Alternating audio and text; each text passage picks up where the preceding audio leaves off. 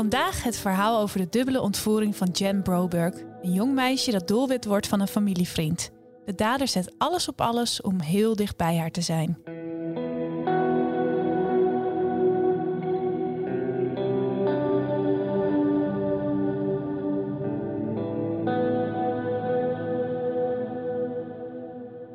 Dit is de podcast Ontvoerd.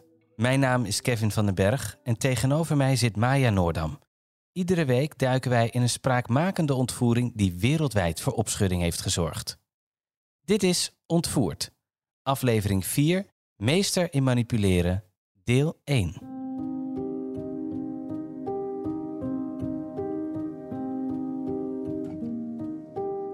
Jen Broberg werd geboren op 31 juli 1962 als oudste dochter van Bob en Marianne Broberg. Ze kreeg twee zusjes, Karen en Susan. Bob had een eigen bloemenzaak en Marianne bleef thuis met de kinderen. Het hele gezin was trouwe aanhanger van de Mormoonse kerk. Jen was een mooi meisje, slim en levendig. Ze had een extravert en uitbundig karakter. De Broberg-meiden beleven een fijne, normale jeugd in Pocatello in Idaho. Een buurt waar niemand de deur op slot deed en iedereen betrouwbaar was. Of leek.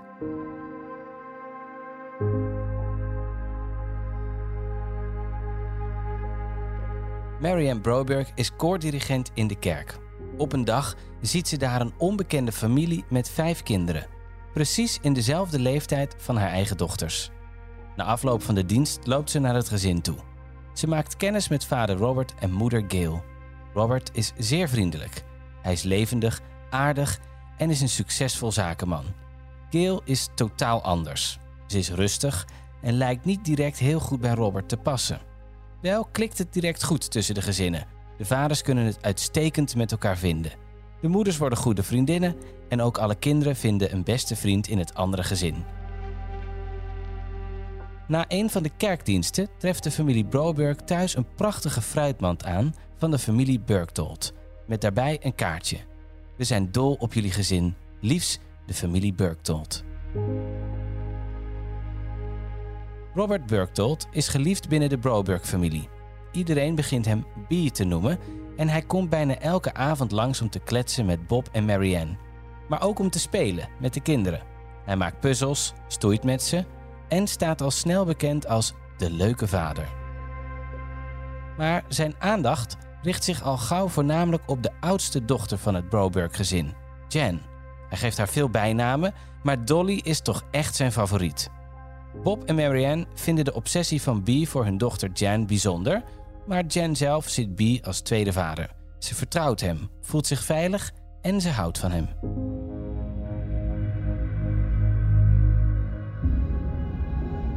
We zijn dus in Idaho, in het noordwesten van de Verenigde Staten. De staat, ook wel bekend als Potato State, kenmerkt zich door de Rocky Mountains die een groot deel van het bergachtige landschap bepalen. Het is 17 oktober 1974. B belt Marianne omdat hij Jen mee wil nemen om te gaan paardrijden. Jen wil dolgraag mee, maar haar moeder twijfelt. Het is een schoolavond en Jen moet nog naar pianoles. Jen smeekt haar moeder en Marianne gaat overstag, op voorwaarde dat Jen weer terug is voordat haar vader thuiskomt. B pikt Jen op bij pianoles. Ze stapt in de auto en hij zegt tegen haar dat ze een allergiepil moet nemen omdat ze naar een manege gaan. Jen neemt de pil in en ze vertrekken.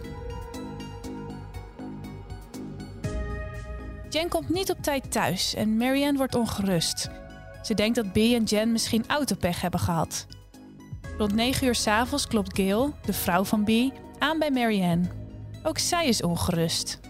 Marianne stelt voor om de politie te bellen, maar Gail vindt dat niet nodig. Ze is er zeker van dat B en Jen elk moment terug kunnen komen. Maar de nacht verstrijkt en het wordt vrijdag. Marianne wordt steeds ongeruster. Maar ze wil Gail niet overstuur maken, dus ze onderneemt geen actie. Er gaat nog een dag voorbij. Op zaterdag zegt vader Bob tegen zijn vrouw dat ze nu toch echt de politie moeten bellen.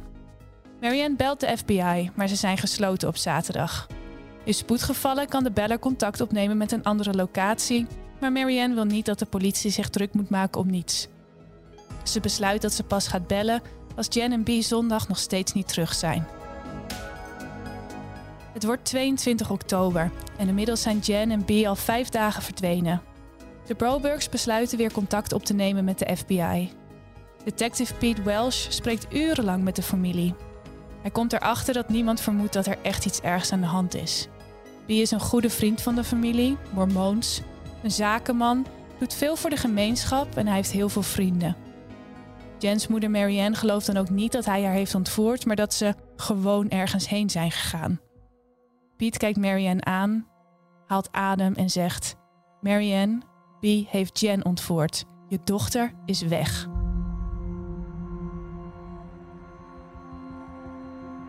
In de afgelopen dagen heeft Jen al het nodige meegemaakt. De eerste dag van de ontvoering, de dag dat ze in B's auto stapte op weg naar de manege, raakte ze al snel bewusteloos. Een paar uur later wordt ze wakker. Het is donker.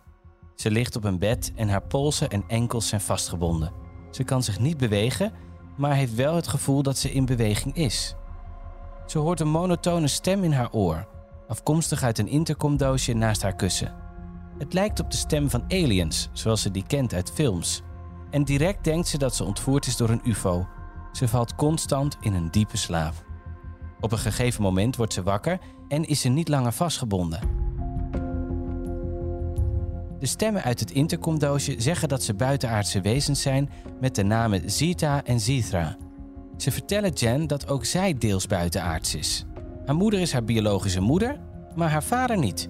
Haar echte vader komt van een andere planeet.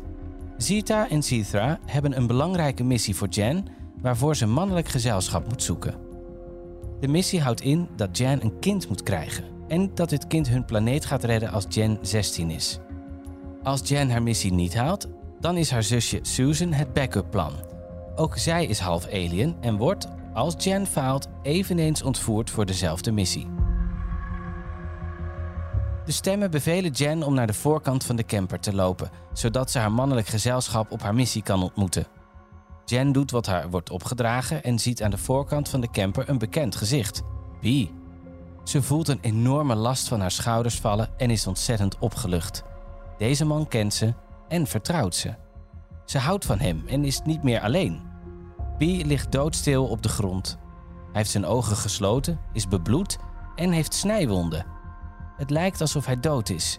Jen rent op hem af, schudt hem door elkaar en schreeuwt huilend dat hij wakker moet worden. B komt uiteindelijk bij en vertelt wat er is gebeurd vanaf het moment dat hij haar oppikte van pianoles. Hij zegt dat ze onderweg waren naar het paardrijden toen hij opeens wit licht zag dat uit de lucht kwam. De auto begon te trillen en te schudden. Hij is ervan overtuigd dat dat witte licht hen allebei heeft meegenomen. Jen legt aan hem uit dat ze samen op een missie zijn. Ze weet zeker dat hij het mannelijk gezelschap is waarmee ze het kind moet maken dat de andere planeet gaat redden. Jen is op dit moment 12 jaar oud en B is 40. Ze realiseert zich dat dit niet helemaal normaal is, maar ze gelooft inmiddels dat ze half alien is, dus dat ze sowieso niet normaal is.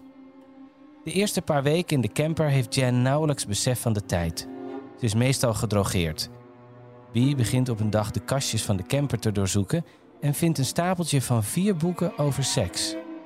Het intercomdoosje, met de stemmen van Zita en Zithra, zegt op dat moment dat het tijd is dat Jen aan haar mannelijk gezelschap vraagt om te doen wat mensen blij maakt. B en Jen gaan naar het bed in de camper. B is niet ruw en gewelddadig wanneer hij haar verkracht, maar dringt voorzichtig bij haar binnen. Jen ligt op haar rug en kijkt omhoog door een klein raampje in het dak van de camper. Ze focust zich op de bladeren en denkt: Als ik me maar richt op de bladeren, dan komt het wel goed.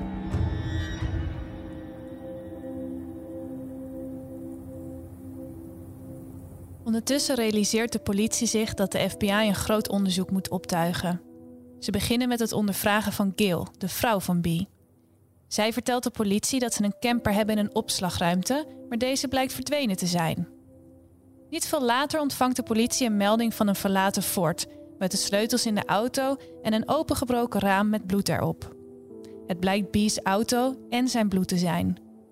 Even lijkt het de locatie van een misdrijf te zijn, maar dan zien de rechercheurs dat het raam van binnenuit gebroken is.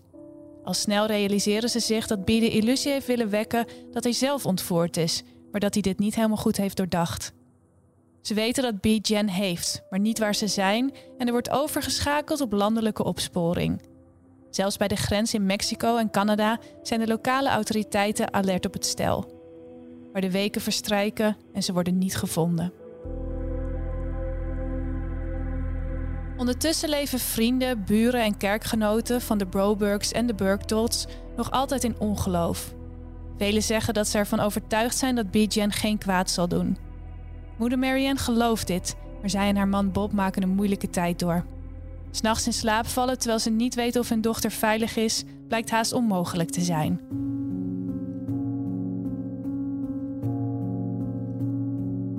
De politie spreekt met veel mensen uit Pocatello. En ondanks het ongeloof van velen ontdekken de rechercheurs dat B een zwak heeft voor jonge meisjes.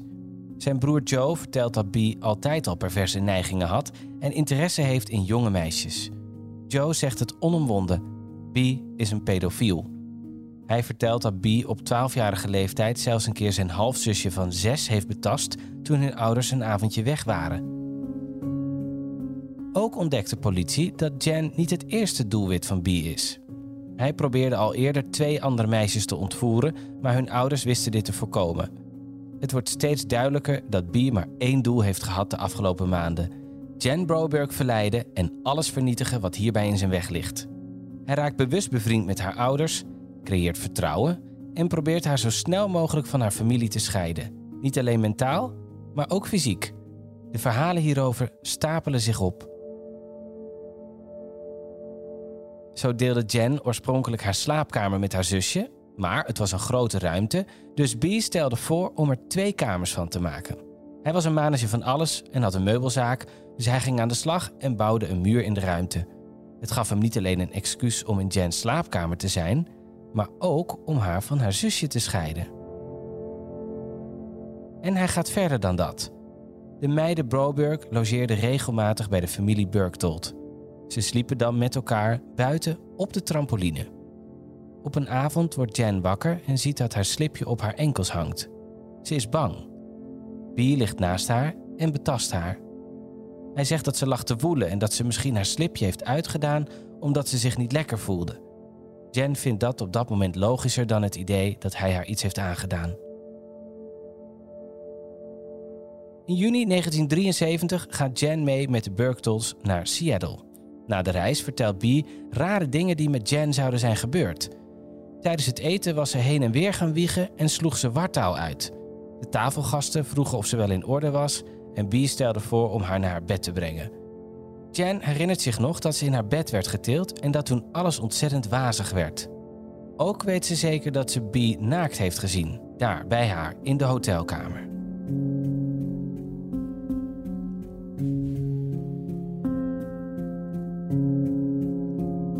B ging ver in het winnen van het vertrouwen van Jens ouders. In de lente van 1972, twee jaar voor de ontvoering, belt B Marianne op. Hij vraagt haar om hem een broodje te brengen en in de weken die volgen doet ze dit steeds vaker. Ze voelt zich aangetrokken tot hem. Hij is nieuw, heeft een sterke persoonlijkheid en een charismatische uitstraling. Hij lijkt in niets op haar man Bob. B is ook erg complimenteus naar Marianne en zij begint vlinders in haar buik te voelen. Ze probeert het te negeren, maar als ze samen naar een kerkevent in Utah gaan, gaat het toch mis. Tijdens een ritje naar de bergen beginnen ze te zoenen en betast B de borsten van Marianne. Maar het blijft niet bij intimiteit met Marianne. Ook vader Bob gaat op een gegeven moment een eindje rijden met B. B vertelt hem dat hij zijn vrouw niet kan uitstaan, maar dat hij echt seks moet hebben. Hij is zichtbaar seksueel opgewonden en vraagt Bob of hij hem niet even kan helpen. Ze lachen, maar B zegt: Joh, dat is toch kinderspel? Je kan me toch wel even helpen? Bob gaat overstag en trekt B af. B's gedrag rondom jonge meisjes bleef overigens niet volledig onopgemerkt. In 1974 krijgt Burke volgens de FBI een berisping van de High Council van de LDS Church vanwege zijn verhouding met een jong meisje. Hij wordt verplicht om naar een psycholoog te gaan om van zijn obsessie voor Jen af te komen. Onderdeel van de therapie was dat hij dit ook aan Jens ouders moest vertellen. Hij ging dus naar Bob en Marianne toe en vertelt dat hij behandeld wordt omdat hij in zijn jeugd is misbruikt. Zijn tante had seks met hem toen hij vier jaar oud was. Hij legt uit dat zijn therapie er onder andere uit bestaat dat hij tijd alleen met de Broberg-meiden moet doorbrengen. En Bob stemt toe. Bee zegt nog dat Bob de dokter mag bellen ter verificatie, maar Bob zegt nee, dat is niet nodig. Ik vertrouw je. Dus Bee gaat naar beneden, naar de slaapkamer van Jen. Hij kruipt bij haar in bed. Marianne en Bob voelen zich niet prettig bij de gedachte, maar gingen akkoord omdat het onderdeel was van Bee's therapie.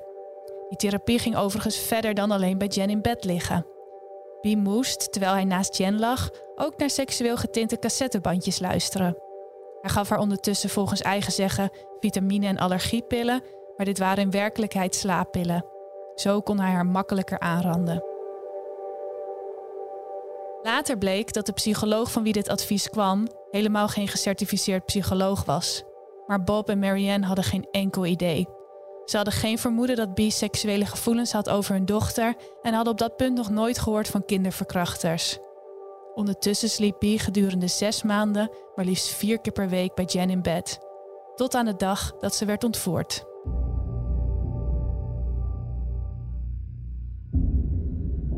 We gaan weer terug naar later in 1974. Het is 20 november en B en Jen zijn inmiddels al 35 dagen verdwenen. B belt zijn broer Joe op en beveelt hem om Bob en Marianne te bellen om te zeggen dat ze schriftelijk toestemming moeten geven voor een huwelijk tussen Jen en B. De twee zijn in Mexico al voor de wet getrouwd, maar dit huwelijk is niet geldig in de Verenigde Staten. Joe belt de familie Broberg met de boodschap dat hun dochter pas terugkomt als ze toestemming geven voor een huwelijk. De Brobergs weigeren. Dan komt hij nooit meer terug met haar, krijgen ze te horen. Maar Joe laat het er niet bij zitten en besluit om zijn broer B thuis te krijgen. De FBI tapt de telefoon van Joe af en tijdens een van hun gesprekken vertelt B waar hij zich in Mexico bevindt. De FBI neemt contact op met de Federales, de Mexicaanse politie. Die sporen de camper van B op, trappen de deur in en arresteren B. Ze zetten hem en Jan in een klein autootje en rijden naar de Mexicaanse gevangenis. Daar aangekomen wordt Jan binnen enkele uren meegenomen naar een lagere verdieping in een donkere, stinkende hal. Ze brengen haar naar B's cel. Hij heeft zijn gouden ring aan een van de bewakers gegeven, zodat hij met Jen kon praten. B zegt tegen Jen dat ze haar familie moet vertellen dat hij haar heeft meegenomen op vakantie. Dat hij een fout heeft gemaakt, haar te ver heeft meegenomen en dat hij iets had moeten zeggen tegen haar ouders. Maar, zo vertelt hij, de buitenaardse wezens Zita en Zithra hebben gezegd dat er vier dingen zijn waarover Jen niet mag praten. Ze mag niemand vertellen over de aliens en hun planeet, over de pillen die ze heeft gekregen, over de missie die ze hebben en over haar seksuele ervaring met B. Praat ze hier wel over, dan wordt haar ene zus blind, haar andere zus ontvoerd en haar vader vermoord. En Jen zelf wordt verpulverd.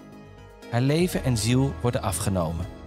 Jen, een meisje met een sterk geloof in leven na de dood, beeft van angst en stemt in.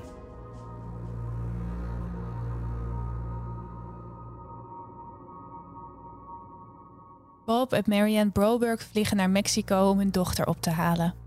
Ze treffen een paniekerige Jen aan. Wat gaat er met B gebeuren? Ze gaan slechte dingen met hem doen. Waarom hebben jullie de FBI gebeld? Ik was gewoon op vakantie, er is niks gebeurd. We moeten hem met ons meenemen. Haar ouders weigeren. Bob denkt op dit moment: dit is onze Jen niet meer. Ze nemen haar mee in het vliegtuig, waar Jen weigert om naast haar vader te gaan zitten. Ze zijn blij dat ze weer naar huis mogen met hun dochter, maar zeggen zachtjes tegen elkaar: Onze problemen zijn nog niet over. Tot zover deel 1 van het verhaal van Jen Broberg. Tijdens de volgende aflevering ontdek je het vervolg van deze buitenaardse ontvoering. Wil je alvast een beeld krijgen van Jen en B? Kijk dan op onze Instagram-pagina, ontvoert de podcast.